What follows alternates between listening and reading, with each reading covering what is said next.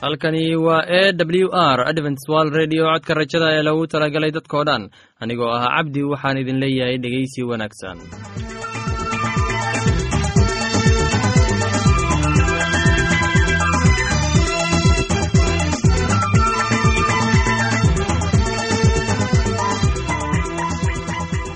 barnaamijyadeena maanta waa laba qaybood. Qaybta kuwaad waxaad ku maqli doontaan barnaamijka nolosha qoyska. Kadib waxaa inoo raaci doonaa cashar inaga yimid bugga nolosha.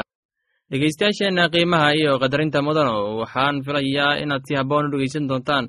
Haddaba haddii aad qabto wax su'aal ama talo iyo tusaale oo ku saabsan barnaamijyadeena maanta fadlan inala soo xiriir. Dib ayaynu kaga sheegi doonaa ciwaanka yagu balse intaynan u guuda gelin barnaamijyadeena xiisaa leh. Waxaad marka hore ku soo dhowaataan. Heestan daabacsan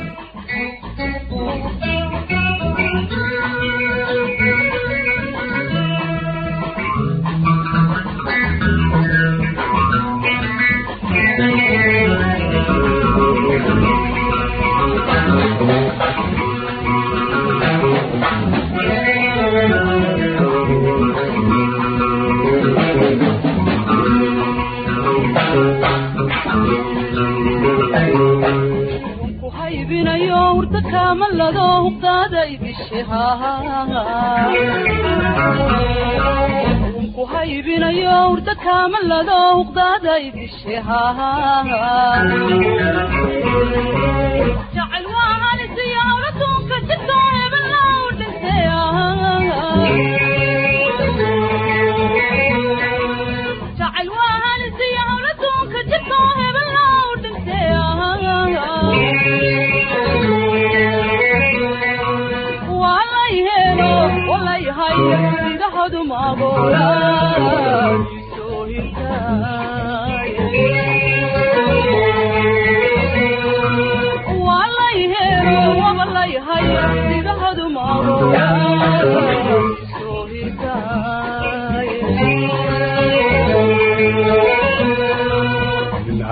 qaba uu hogal roobarkayo hangadaani nin harada qaba uu hogal roobarkayo hangadaani hubantaa taasoo habaabanaye hanqalkaan la kace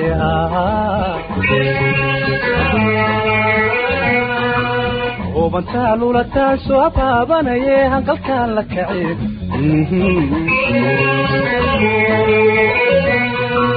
walayhelo walayhay sidahalo kareeba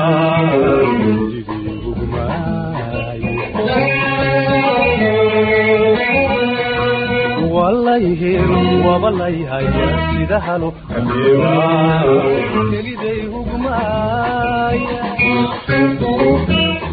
Thank you.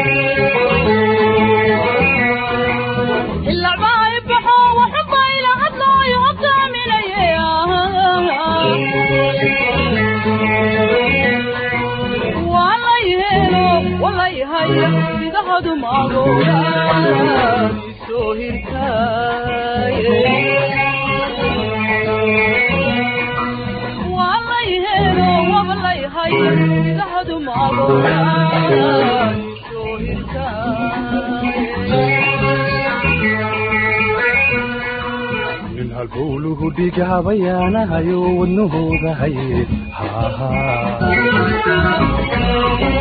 min halbowluhu dhigahabayaanahayo wadnahooda haye ahayinkaabinayaan hod caleeliya doog hayankii ku rare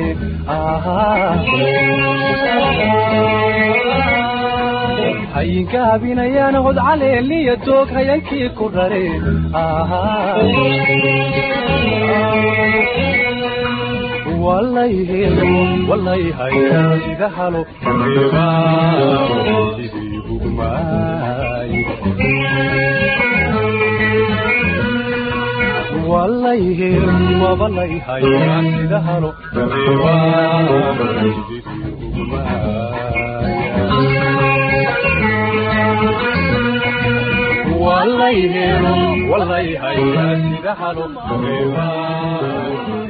waxaan filayaa in aad ka faa'iidaysateen heestaasi. Haddana waxaad ku soo dhowaataan barnaamijkeena nolosha qoyska. Barnaamijkaasi waa barnaamij ka hadla arrimaha guud ee qoyska iyo qofka bini'aadamka ee dhegeysi suuban kulanti wacan dhegaystayaal kuna soo dhowaada barnaamijkeenii nolosha qoyska oo aad xiliyadan oo kale aad hawada inaga dhegaysan jirteen maantana mowduuceena wuxuu ku saabsan yahay dhar mayrista iyo sida loo hagaajiyo. Qof ayaa hadda ka hor yidhi waxyaabaha wanaagsani waxay kaaga dhow yihiin neefsashada duleedada sankaaga nuurka indhahaaga ubaxa cagahaaga waajibkaaga oo aad gacmahaaga ku gudato markaad waddada rabbiga qaad oo mar. Kadibna ha haaban xidigaha laakiin qabo waxyaabaha guud oo siday kuugu kala dhow yihiin u qabo. Howlmaalmeedka iyo nolosha waxay ka tirsan yihiin nolosha ugu macaan. Gudashada howlmaalmeedka waa farxad oo ku jirta dhammaystirku. Xusuuso si aad u samayso waxyaabahaas waxay ka badan yihiin waxa aad samayso meelaynta habka dhardhaqista ee guriga adduunyada wax badan baa iska beddelay. Dadka qaarkiis waxay dhigtaan qolka qubayska qaar kalena makiinadda dharka dhaqda ayay dhigtaan kushiinka.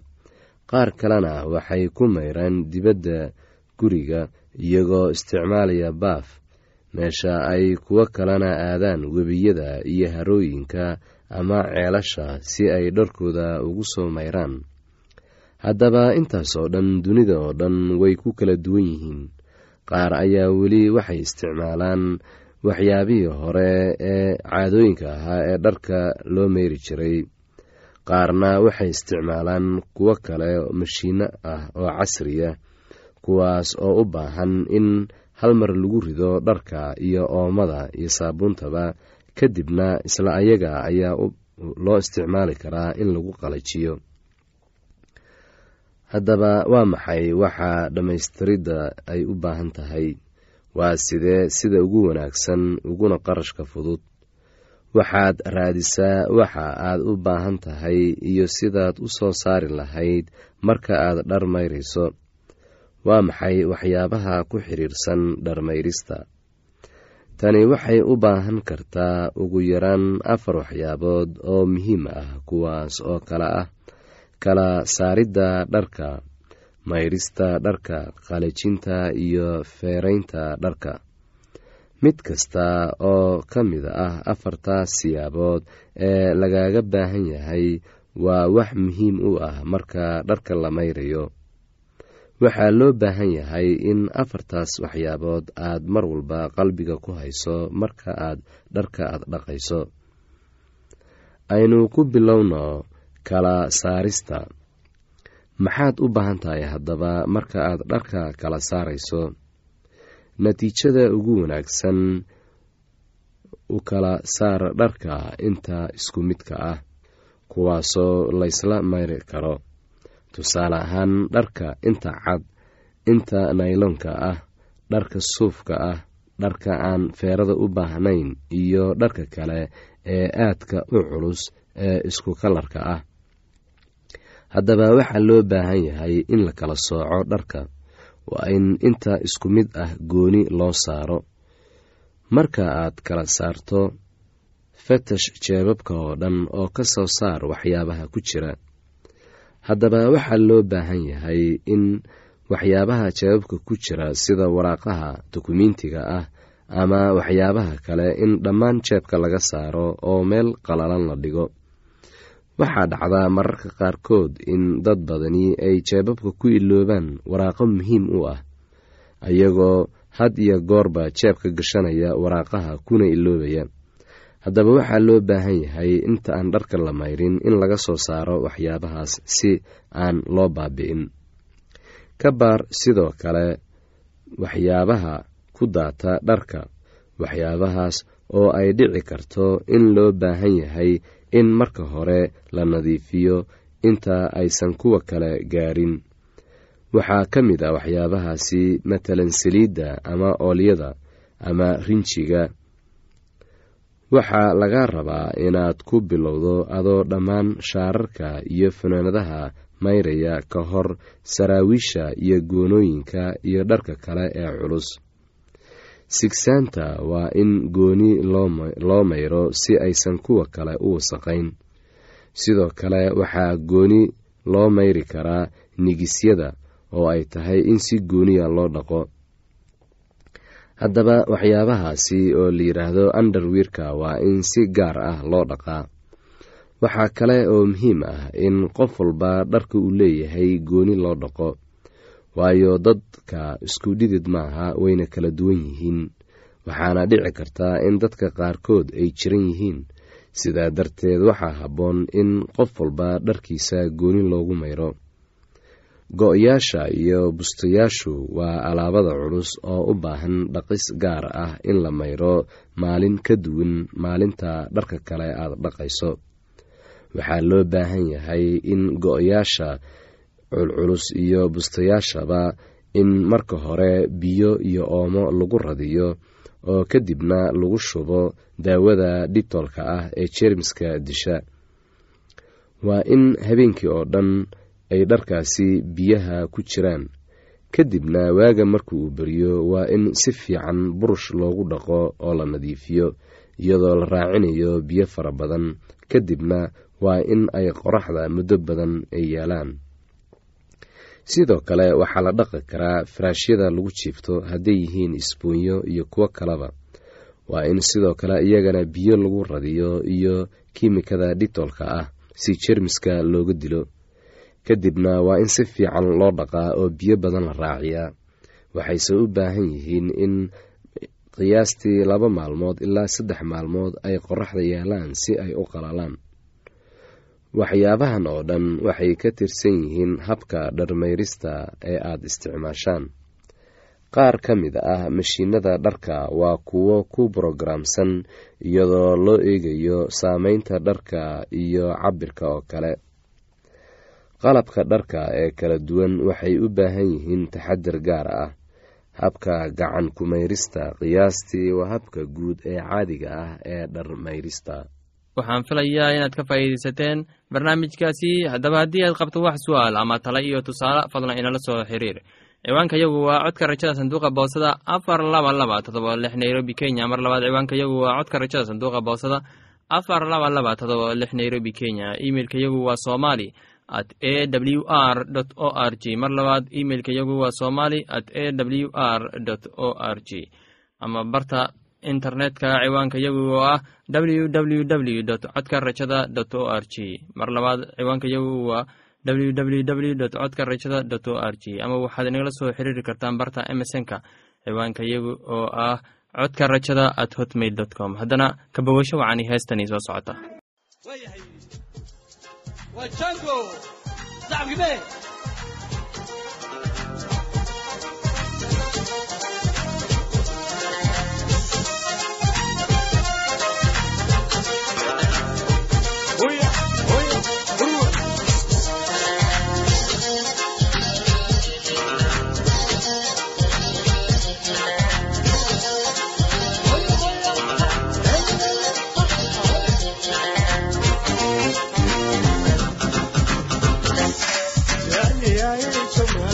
Hoyo jecliyaaye fariin baan ku jooga jecliyaaye jamaca dhulka hoyo jecliyaaye fariin baan ku jooga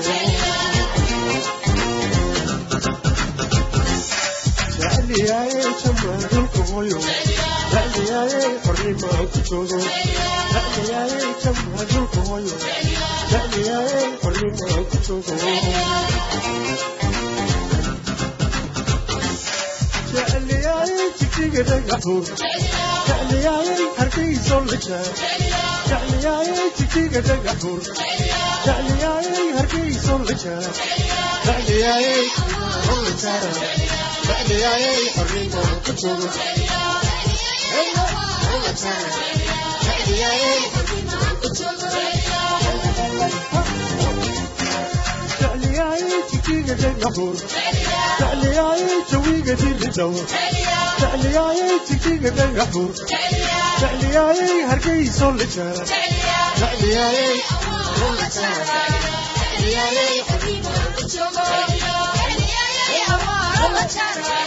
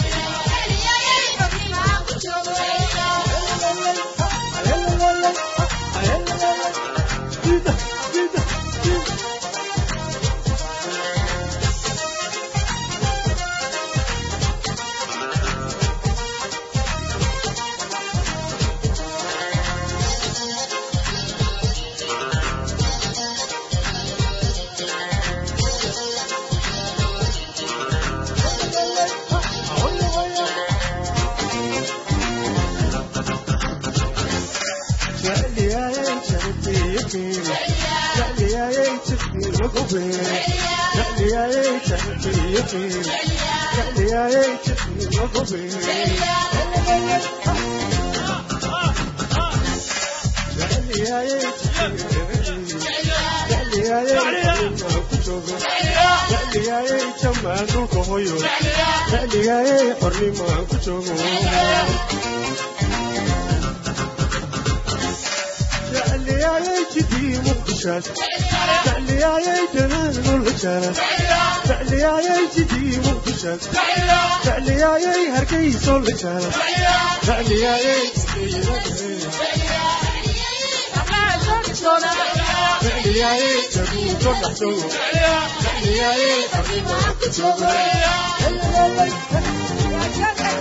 jecliyaaye jidii muqdishaad jecliyaaye hargeyso la jaara jecliyaaye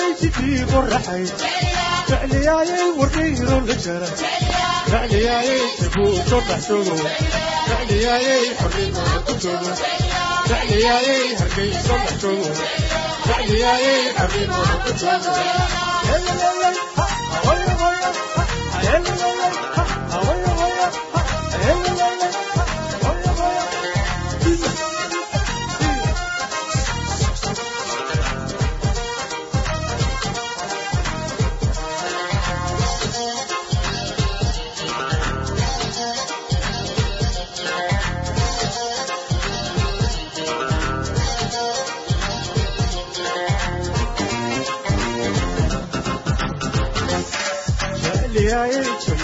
dhulka hoyo jecliyaaye xornimo aan ku joogo jecliyaaye jamaal dhulka hoyo jecliyaaye xornimo aan ku joogo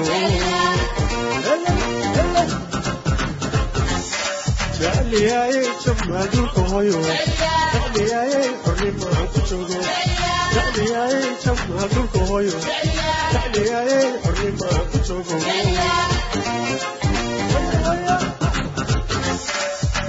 jecliyaaye jigjiga dhagaxuur jecliyaaye hargeyso la jaara jecliyaaye jigjiga dhagaxuur jecliyaaye laascano dhexdoor jecliyaaye jecliyaaye xornimo ku joogo jecliyaaye jamaaduulka hoyo jecliyaaye xornimo ku joogo jecliyaaye jigjiga dhagaxuur jecliyaaye hargeyso la jaara jecliyaaye jidii qoraxay jecliyaaye wadhiiro la jaara jecliyaaye jamaaduulka hoyo jecliyaaye xornimo ku joogo jecliyaaye jamaaduulka joogo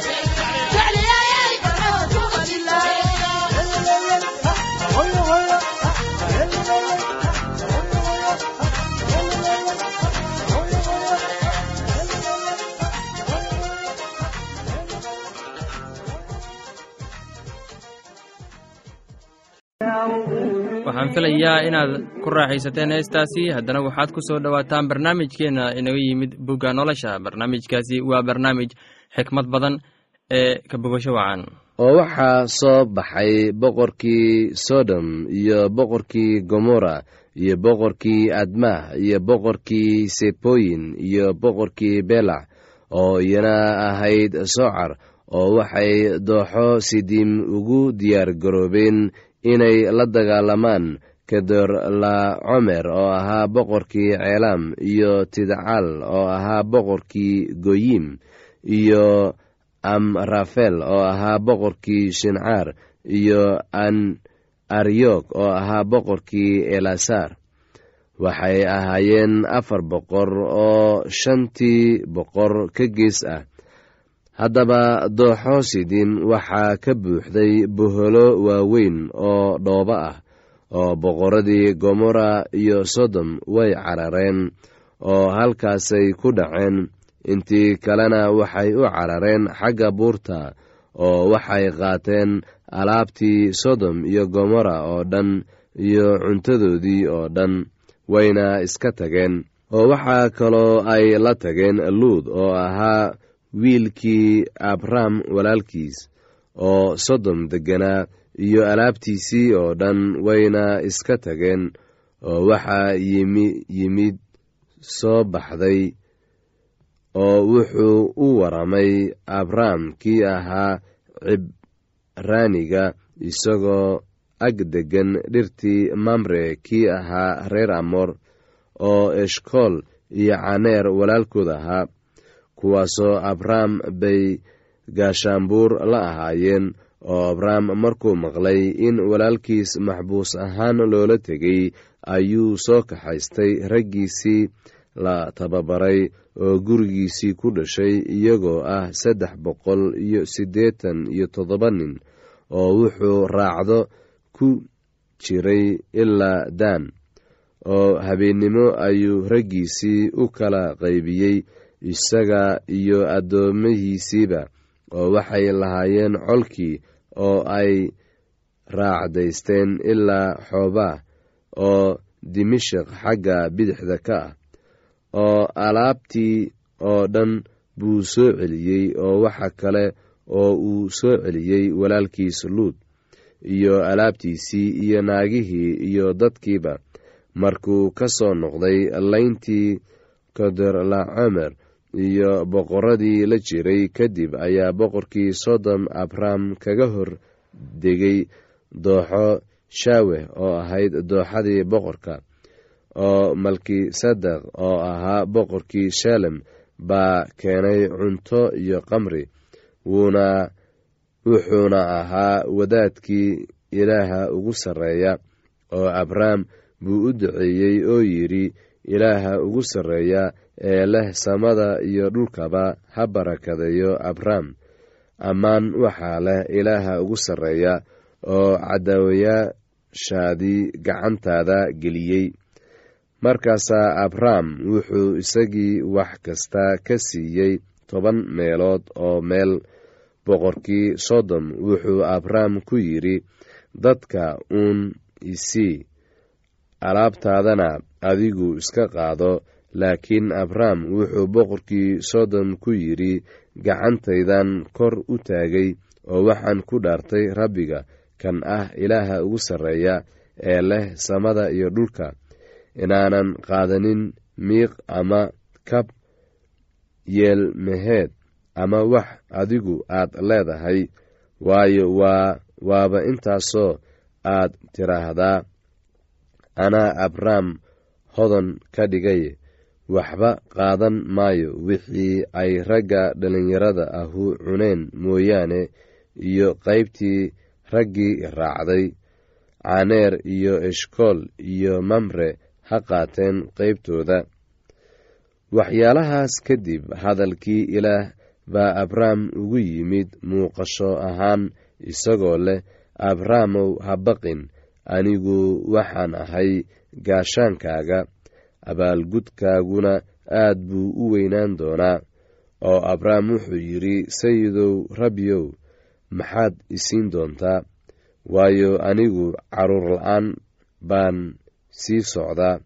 Reerkaygana waxaa dhexli doona celiseer oo ah reer dimashik oo abrahm wuxuu yidhi bal eeg aniga ima aad siin farcan oo mid gurigayga ku dhashay baa idhaxlaya oo bal eeg hadalkii rabbiga u yimid isagoo leh ninkanu kuma dhexli doono laakiinse waxaa ku dhexli doona wiil aad dhali doontid oo dibadduu u soo bixiyey oo ku yidhi bal samada fiiri oo xidigaha tiri haddaad tirin kartid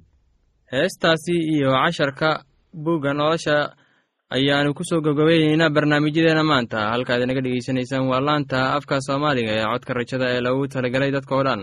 Haddaba haddii aad doonayso inaad wax ka faa'iidaysataan barnaamijyadeena sida barnaamijka caafimaadka barnaamijka nolosha qoyska iyo barnaamijka kitaabka quduuska fadlan inala soo xiriir. Ciwaanka yagu waa codka rajada sanduuqa boosada afar laba laba todoba lix nairobi kenya. Mar labaad ciwaanka yagu waa codka rajada sanduuqa boosada afar laba laba todoba lix nairobi kenya. Imeilka yagu waa somali at a w r o r g mar labaad imeilka yagu waa somali at a w r o r g ama emesonka oo ah codka rajada at hotmail dot com. Mar labaad emesonka yagu waa codka rajada at hotmail dot com. Ama barta internetka ayaad ka akhrisan kartaan barnaamijyadeena iyo ka maqasha sida w w w dot codka rajada dot o g dhegeystayaasheena qiimaha iyo qadarinta mudan oo barnaamijyadeena maanta waa naga intaas. Tan iyo intaynu hawada dib ugu kulmayno.